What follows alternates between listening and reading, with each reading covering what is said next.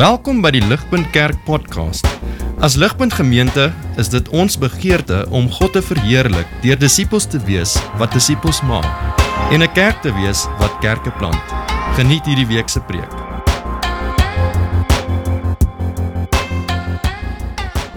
being here. Thank you for listening to me. It's been a great joy and privilege for me to be here amongst you. If you are new here and you're a Royneck like me, they're quite friendly. They're not so bad. Uh, so just stick around. And I just want to thank all the friendship and the, the social times I've had with different groups and different people. You, you really have been so friendly and welcoming to this rooinek, and uh, it's been a great joy to be amongst brothers and sisters, because that's what it is.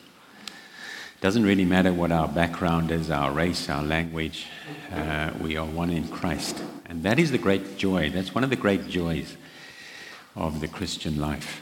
Um, so thank you for, um, for having me. It's been a great joy and privilege for me to be with you. We're going to have a look at this passage. I'm going to ask you to stand. I'm going to pray again that God will speak to us through His Word. So let's stand and just uh, stretch your legs as I as I pray. Father, we've just heard from our brothers and sister of the some of the deep waters that we go through. We are reminded that we are not exempted from the brokenness of this world and from the curse. But we are also reminded that you are always faithful and that you have never broken your promise that I will never leave you or forsake you. Father, help us as we study your word. Help us to hear the voice of God as we read the word of God. Help us, Lord, to better understand what this marathon is like so that we may be more faithful, so that we may persevere, so that we may get to the finish line. So speak to us through your word, we pray, for Christ's sake. Amen. Please be seated. All right, it's going to be a great help to me again if you have your Bibles open in front of you. It's my job, it's the preacher's job week by week, not to share their own ideas, but to share the ideas of God. And that's what we want to do. We want to hear the voice of God. It's great help to me if you have your Bibles open in front of you. Philippians chapter 3, and we'll be looking at verses 10 through to verse 16. The most extreme marathon in the world is called the Badwater Ultra Marathon. The name should have given you the clue. It's in California. The starting line is in a place called Badwater Basin, Death Valley. And uh, Badwater marks the lowest elevation in the northern hemisphere. It's 85 meters below sea level. The race ends at a place called Mount Whitney Portals. The elevation is 2,530 meters. So think about that from minus 85 meters to 2,530 meters. Pretoria is at 1,300 meters. So you can imagine they, they run over three mountain ranges. It's 217 kilometers long. I've only done it four or five times. That's a joke temperatures go up to 55 degrees. The course record is held by a Brazilian called Valmir Nunes, who's run it in 22 hours, 51 seconds, 51 minutes, and 29 seconds. Average time is 48 hours. If you're interested, the next race starts on the 11th of July, so I think there's still time for you to register. Now, have a look at our passage where Paul describes the Christian race or the Christian life in athletic terms, in marathon terms. That's how he describes it. Verse 12. Notice there, I press on. Verse 13, forgetting what lies behind, I strain forward. Verse 14, I press on towards the goal. So he's using athletic marathon terms. Yesterday morning, we looked at the end of the race. We looked at chapter 1, verse 21. Yesterday afternoon, we looked at the beginning of the race when we looked at chapter 3, verse 2 to 9. And this morning, we're having a look at the middle of the Christian race. Um, and uh, so, it's, so it's really talking about Christian growth, uh, Christian development. And he's telling us the Christian race is not a 100 meter sprint, it's an ultra marathon. We're going to work through the passage. Let me give you three headings so that you know where I'm going, and more importantly, I know where we're going.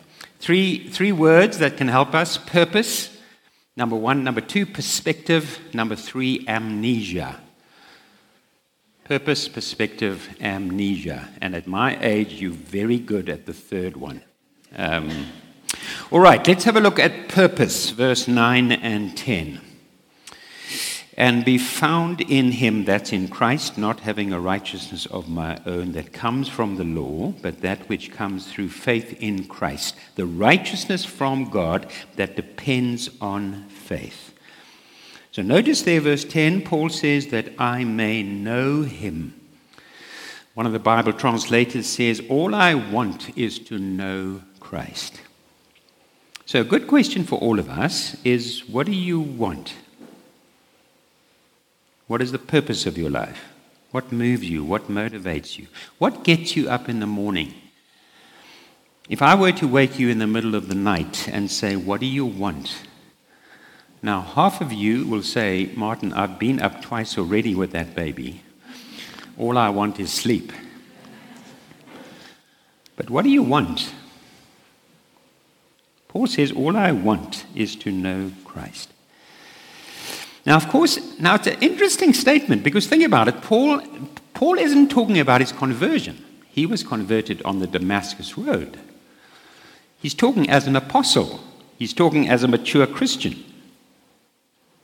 So when he says, I want to know Christ, he's not talking about starting the Christian life. He's not talking about his conversion. No, he's talking about growing in the Christian life. He's saying, I want to know Christ better. I want to grow, know Christ more. I want to obey him more. I want my life to be more tied up with him. So, whatever Paul does, at the back of his mind, his overarching purpose is to know Christ, to serve Christ, to extend Christ's kingdom. Now, remember, that's what Jesus taught us in the Beatitudes. Blessed are those who hunger and thirst after righteousness, for they will be filled. It's quite a surprising beatitude. Righteousness, of course, is being right with God and living right with God. Blessed are those who hunger and thirst after righteousness, for they will be filled.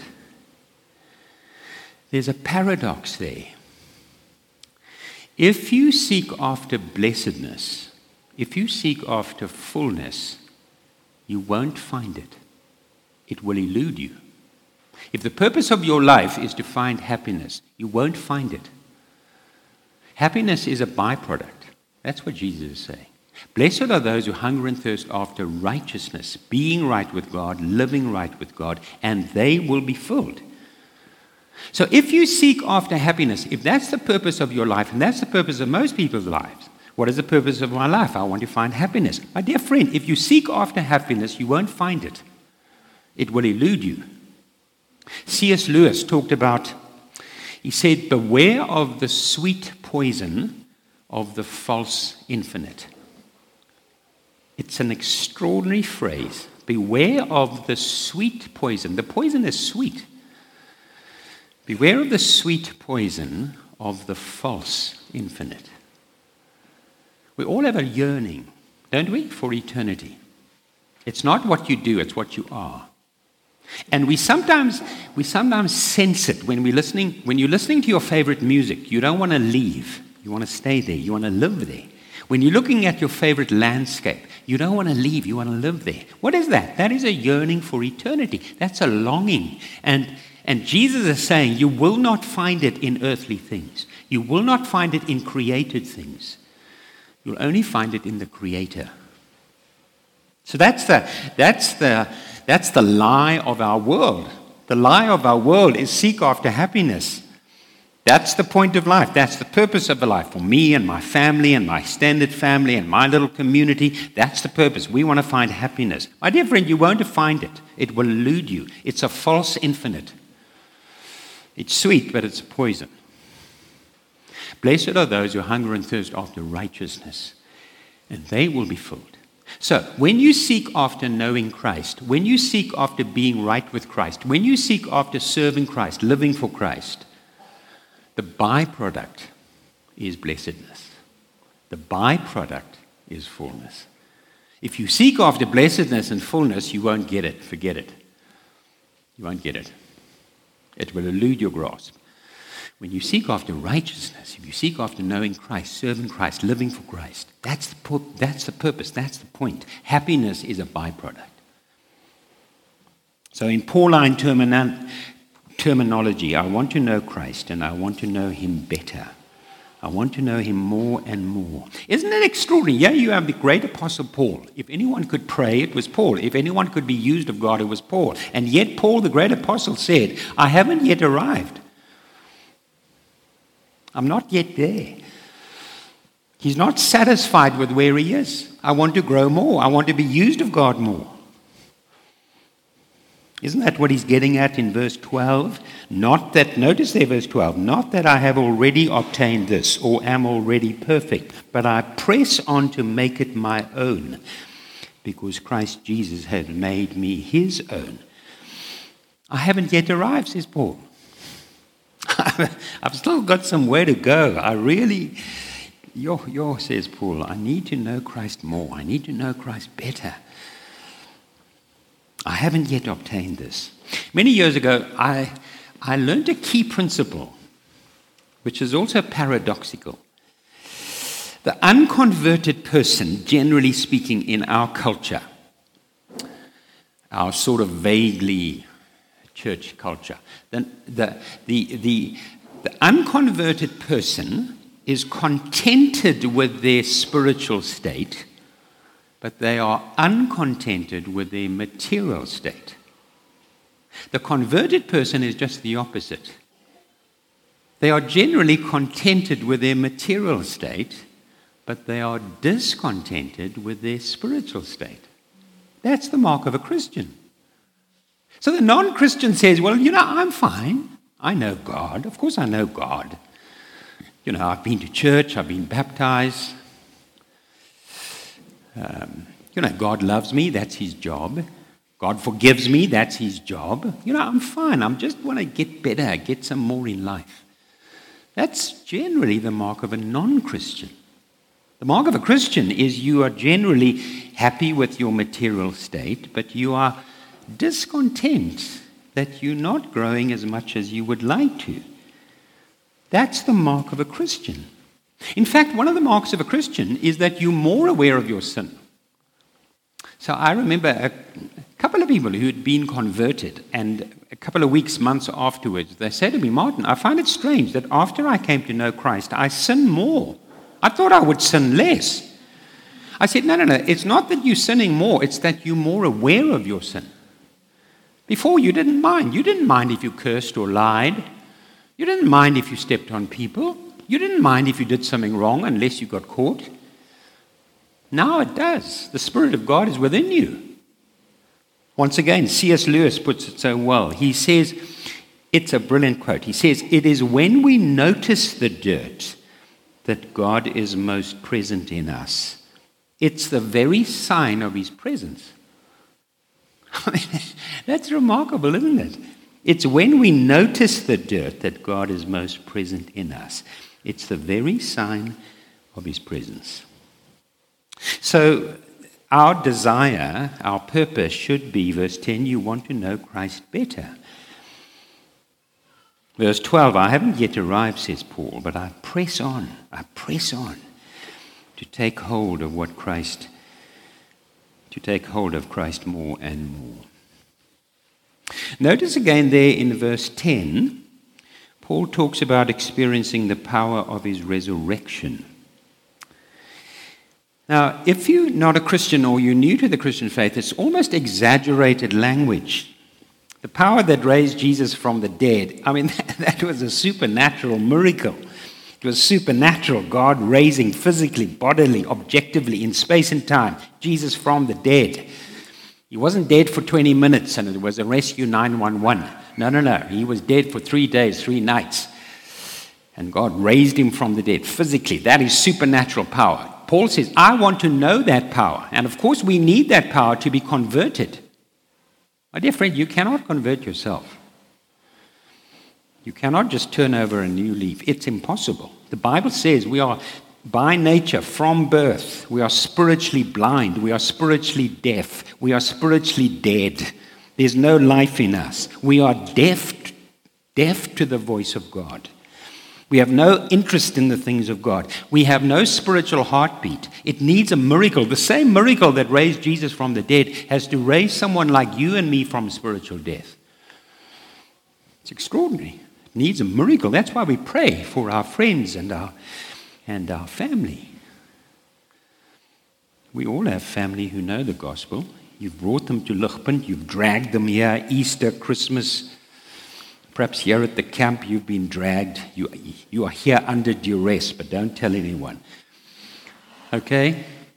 You can know everything about the gospel. You can have a PhD in theology and not be converted. It needs a spiritual miracle from God, the same miracle that raised Jesus from the dead.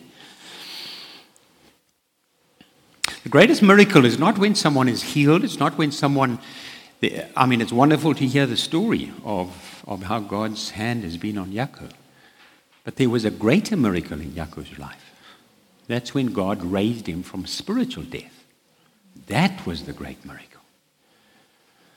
Notice again, verse 10, there's a, there's a very strange order here. I wouldn't have put it like that. He says, verse 10, that I may know him and the power of his resurrection and may share his sufferings.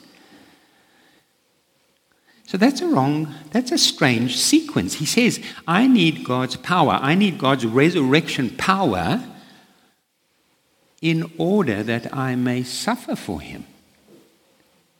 I would have put it the other way around. After suffering, there's resurrection. After suffering, there's glory. That's what I would have written. Paul doesn't write that. He says, I pray that God will give you resurrection power, not only in your conversion, but you need resurrection power day after day after day after day in order that you may suffer for him.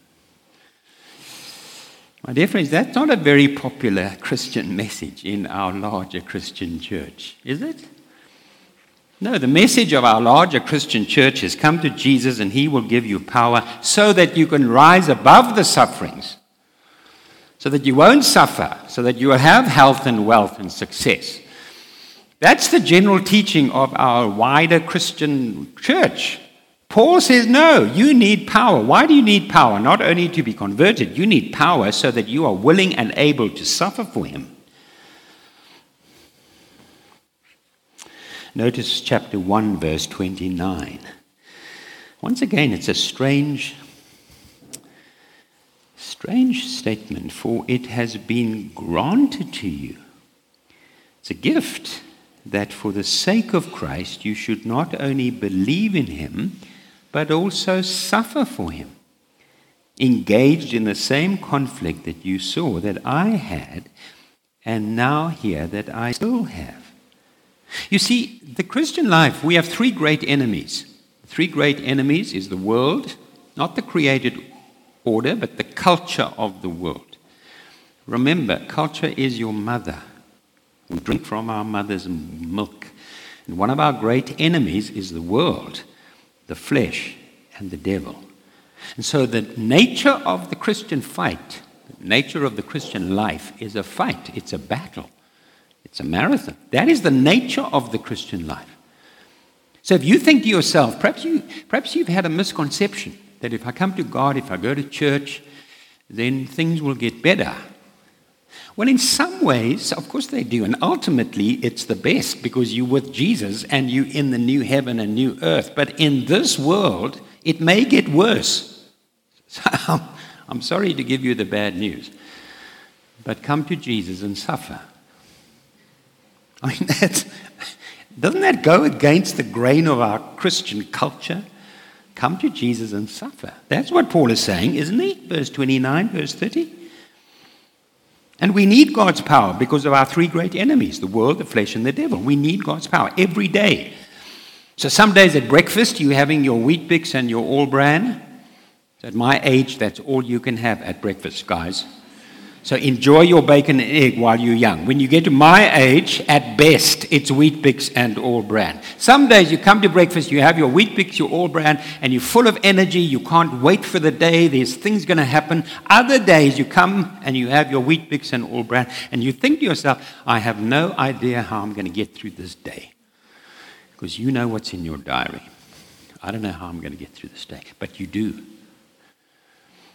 Some weeks you think, oh, I don't know how I'm going to get through this week, but you do. And despite the best efforts of the world, the flesh, and the devil, you back next Sunday, still believing. You bruised and battered. You've fallen. You failed, but you back. You're still believing. You're still a Christian. That's the power of God. That's the power of God day after day, week after week, month after month, year after year, through the ups and downs, through the valleys, through the deep waters, you still believe. That's a sign of the resurrection power of God. You're still here. All right, that's the first word, the word purpose. Second, just before we get there, let me just quickly just take a side road. You may be new to Ligpunt, you may be new to the Christian faith. Let me just say to you, there are three non negotiable keys to Christian growth. And we heard them from Yako this morning. We've been hearing it this weekend. There are three indispensable, non negotiable keys to spiritual growth. The, uh, let, me, let, me, let me quickly write them here. They're not, they're not, this is not rocket science, you know this, but we need reminders, don't we? We need the Word Okay, that is key. Absolutely key. Day by day, we need to read the word. So sometimes when you read the word in your quiet time, you, I mean, it's, sometimes it's kind of dull. Sometimes it's dry. Sometimes it's boring. Sometimes you do it, but your mind's elsewhere. Haven't you found that when you pray? Suddenly your mind's a million miles away. I think to myself, what am I doing there? I was praying. It's all right. That's part of the Christian life. It's not always up here. But you need the word regularly, week by week. You need gesin. I can speak some Afrikaans words. Gesin. Okay? If you are not part of a gesin that meets midweek, you are not going to grow. It's how it is, guys. Third one is service. You've got to serve. So if you're not serving, you won't grow. So if you're not doing these three things, I can guarantee you, you will not grow as a Christian. You may well be a Christian, but you're really sort of a spectator. You're really just a consumer. And you're not actually going to grow. Because these three, things have to happen. You've got, got to be part of a small group. And some of the people in that group are a little bit awkward. And some of them are a bit strange. I mean, I can mention a few, but I won't mention any names. Okay, that is part of the Christian life. We're all a little bit awkward. We're all a little bit strange. We all sometimes say the wrong thing. But we're part of a gesin. And that is what, what, uh, what carried Yaku, the gesin and the family. And you can serve. You don't have a gift. You don't need a gift to help with tea and coffee. You don't need a gift on Sunday mornings to set up and take down. You don't need a gift Sunday evenings to put up and put down. You don't need a gift to help Natasha. Natasha's the glue of your church. You know that. Yeah. Yep, yep, yep. Amen. Every church has glue. And without that glue, the thing doesn't work. So when Natasha dies, God forbid, not soon, Guys, close down the church. give her a good send off, give her a great funeral. At the end of the funeral, say, We're closing down the church with immediate effect. Amen. Okay. Guys, you're not going to grow. Let me, let me promise you, you will not grow as a Christian if you are not making the effort. You've got to take the step. So, up front, they will tell you join a group, they will have people sharing how much it's meant to them. But unless you take the step, it's not going to happen. You've got to take the step. You've got to make that phone call and say, Can I join you this Wednesday evening? Uh, this Tuesday evening. The group I was with last night, they meet on a Friday evening. Can you believe that? And there are awkward people in this church. Um, okay, first purpose. Uh, first word is purpose. Second word is perspective.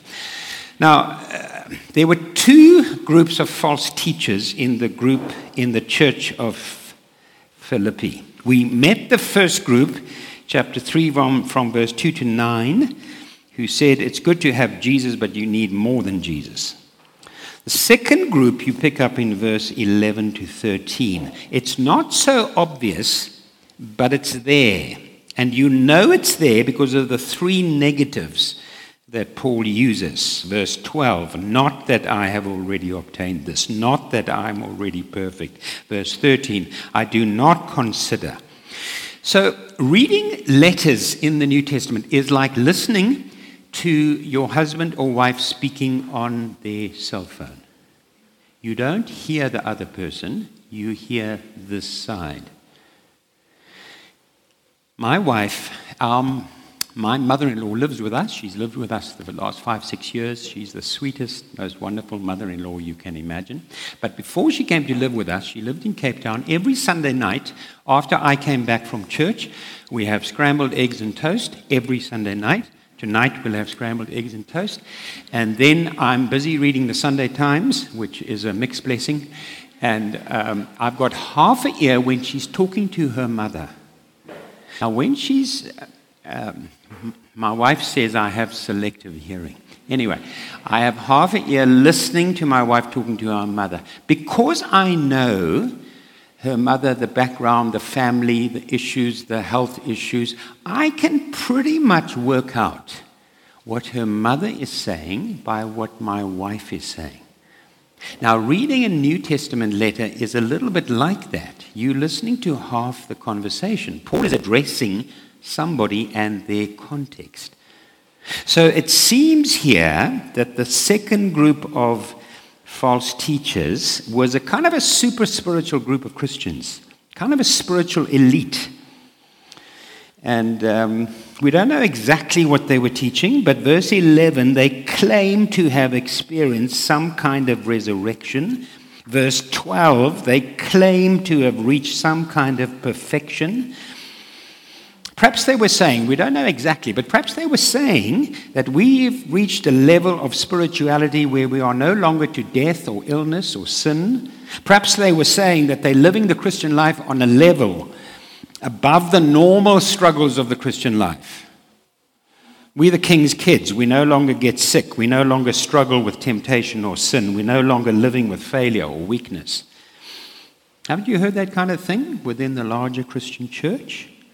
If only you have enough faith, you can live up here. If only you have enough prayer or fasting, you can live up here. If only you give enough seed money, you can live up here. Seems that that's what they were saying. And Paul says, nonsense. He says, rubbish. Notice the three negatives again, verse 12. Not that I have already obtained this. I haven't yet achieved that. Guys, you are teaching something quite different. I haven't yet obtained this. Not that I am already perfect. Verse 13 I do not consider that I have made it my own. So Paul writes an apostle. He says that he hasn't yet arrived, he hasn't yet attained it. And if he hasn't, no one has, and no one should claim to have. I'm not yet perfect, verse 13. I haven't yet made it on my own. My dear friends, you need to know we will not have perfect health, perfect wealth, perfect success this side of heaven. It's not attainable. We will not escape the ravages of sin. We live under the curse. The curse is only lifted after the return of Christ. There's no escape, there's no inoculation, there's no vaccine. There's no spiritual vaccine which can inoculate you from living under the curse, from living in this broken, sinful world with broken, sinful bodies, with other broken people in a broken world. The most obvious thing in our world is sin and evil, and yet the world denies it. We're not inoculated from that world. So it doesn't matter how much motivational talk you hear, your body is still going to grow old like mine. You can be the king of motivational talks, and your eyes will also start going. And you'll start losing your marbles. A couple of years ago, just before COVID, we had a man visiting our church. He was a first time visitor. He came to speak to me afterwards, and um, he was a little bit bolshy, a little bit arrogant. And he said to me, he said to me, Pastor, you're obviously not a motivational speaker. So Surprise. And he was a bit bolshy. I thought, I'm going to be a bit bolshy also, you know. So I said to him, Yes, I'm not a motivational speaker because I've discovered that you can be highly motivated and go to hell. Now, now that was not the right thing to say because he didn't come back. But, my dear friends, we will only have perfect health. Notice the end of chapter 3. We will only have perfect health, verse 20 and 21. Our citizenship is in heaven, and from it we await a Savior, the Lord Jesus Christ, who will then transform our lowly bodies to be like his glorious body by the power that enables him even to subject all things to himself.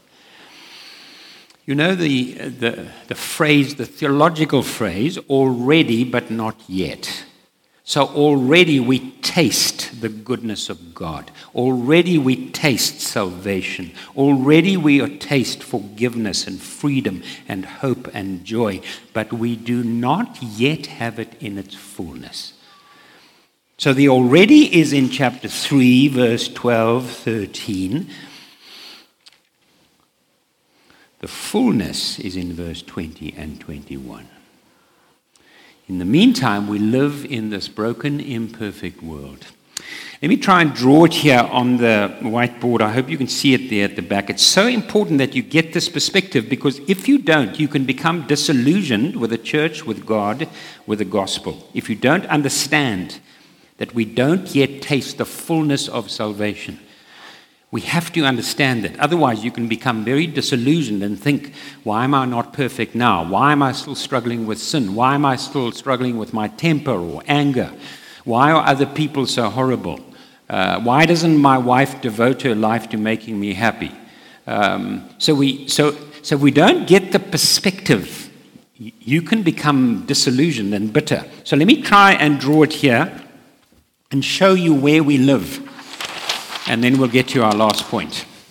All right, everything above the dotted line is perfect. All right, everything below the dotted line is imperfect. So here's the history of the world. Here we have creation. Here we have the fall. Genesis 1 and 2, Genesis 3. Here we have the history of Israel. We have Abraham, Isaac, Jacob, David, Solomon, the kings, the exile. You have the coming of Christ. Um, here you have the return of Christ. Here you have the new heaven and the new earth. Notice when God created, Genesis 1 and 2, it's above the dotted line. The new heaven and new earth is above the dotted line. Here we have the cross of Christ. We are living here, below the dotted line. We have experienced the cross of Christ and the joy and the freedom and the forgiveness. But life is still a struggle, life is still a marathon. We are not here, we are not there, we are living here. So when people tell you they are living there, it's a lie. Perhaps they're dead. If you're no longer struggling, If, if you are no longer struggling with sin, if, if you're no longer struggling with your three enemies, our three enemies, the world, the flesh, and the devil, either you've given in or you're dead. Only two options. That's the nature of the Christian life. We live here below the dotted line. Life is imperfect, life is broken. One day, when Christ returns or he takes us home, we'll be with him in the new heaven and the new earth. If you don't understand that, if you think if you come to Christ, you are immediately taken up there, you are wrong. We are living here. So we've got to persevere. All right, last point amnesia. As I grow older, I get better and better at this. All right. Have a look, verse 13 and 14. Just want to pick up one idea there. Brothers, I do not consider that I have made it on my own, but one thing I do, forgetting what lies behind and straining forward to what lies ahead, I press on towards the goal for the prize of the upward call of God in Christ Jesus. The only way you and I are going to get to the winning line, to the goal, is if we're not carrying baggage. If you want to run a marathon, if you want to get to the end, you've got to get rid of the baggage. You can't run with baggage, it doesn't work. Let me suggest that there are three baggages that we need to get rid of. The one we saw in chapter 3, verse 2 to 9, we need to get rid of your do it yourself salvation. You got it, that is baggage. Paul says all his religious credentials circumcised, tribe of Judah, tribe of Benjamin, people of Israel, a Hebrew of Hebrews that's all baggage. Forgetting what is behind. I have no doubt that there are still people in this room who think that their religious CV will get them to heaven. My grandfather was a dominee. My aunt was a missionary, a sendeling. I was baptized, I was confirmed. I go to Nagmaal regularly. I'm a member of Ligpunt. I know the rector, I know the ministers. I'm even nice to the ministers. Well, of course, those are good things, but it won't get you one millimeter closer to God. You need to leave your baggage. Get rid of your do it yourself salvation. The second thing you need to leave behind is your spiritual achievements. It is possible as you get older as a Christian to look back at what you did for the Lord last year, five years ago, ten years ago. You know, I served the Lord when I was a teenager. Yo, I was on fire. When I was a student, you know, we were so involved in, in all kinds of social projects. But it's all history, it's all past. I mean, what are you doing, doing for the Lord now? So we've got to get rid of our spiritual achievements. It's not what you did then. The question is, what are you doing now? Today, this week, serving God, serving Christ. Leave behind your spiritual achievements. Third thing you need to leave behind is your failures. Paul says there, notice verse 13, I haven't yet arrived. I know I'm not perfect, but forgetting what is behind, I strain towards what is ahead. If you want to reach the goal, you've got to leave your sins and failures behind. I'm sure there are people here this morning, no doubt, who want to move on, who want to grow, but the, but the devil keeps reminding you of your past sins and your failures. And you say to yourself, I, want, I would like to serve the Lord in this way or that way. And the devil whispers in your ear and says, Who on earth do you think you are? God, God's not going to use you. You're second hand. You are spoiled goods. Can't you remember how bad it was? God can't use you. Perhaps you want to share your faith. You want to make a stand for God, and the devil whispers in your ear. Who do you think you are to share your faith? God can't use you. You're a fraud. You're a failure. Remember how you failed last time. And Paul says, No, forgetting what is behind, I strain towards what is ahead. We've got to live our, leave our failures behind, and we all have them. We have to leave our regrets behind, and we all have them. They're forgiven. Christ has died for each and every one. Doesn't matter how bad it is, and some of them are bad.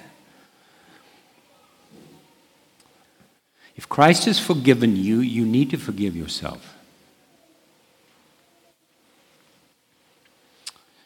Let me close. I often watch on TV Comrades Marathon, and I don't watch the superstars who win because I have no connection with them.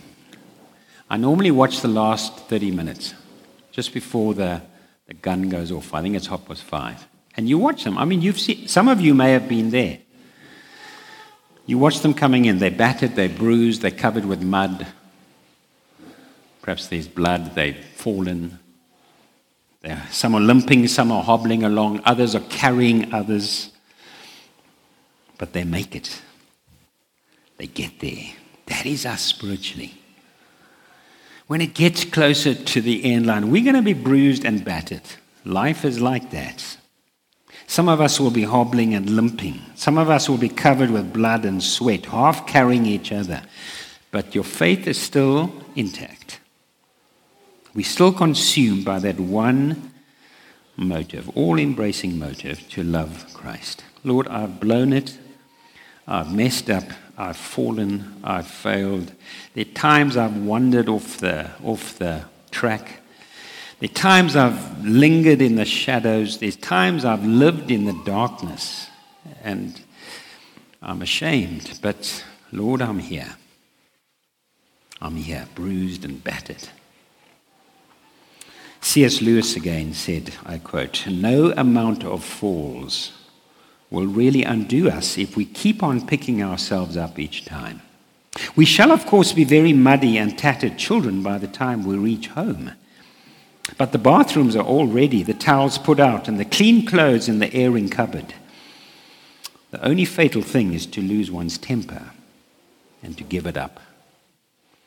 End of quote. Isn't that lovely? We'll be dirty, battered, bruised, but the bathrooms are ready, the towels are out. That's our goal. Let's pray. Let's spend a few moments of quiet as we reflect on God's word. You tell God where you are.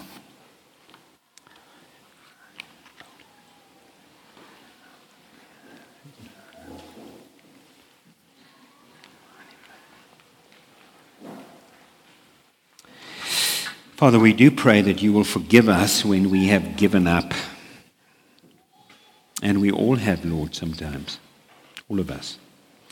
Forgive us when we've thrown in the towel. Forgive us when we've despaired of ourselves. Forgive us, Lord, when we've sometimes despaired of you and one another. Forgive us when we haven't realized that we're all broken and bruised and we're all sinners in this church. Forgive us, Father, when we've got swallowed up by our failures and our sins and we've almost drowned. Lord, help us to forget what lies behind and to press on and strain towards the finish line. Help us to believe in you even when we failed, even when we've blown it, even when we're living in dark, dark, dark, dark times and deep, deep waters. Help us to hang on to you. Help us to get to the end. And thank you, Father, that we will get to the end not so much because of us, but because of you. It's not so much us hanging on to you, but you hanging on to us. So help us to trust you. You will get us there. And we pray this for Christ's sake. Amen. Vir meer inligting oor Ligpunt Kerk, besoek gerus ons webwerf op www.ligpunt.com of kontak ons gerus by info@ligpunt.com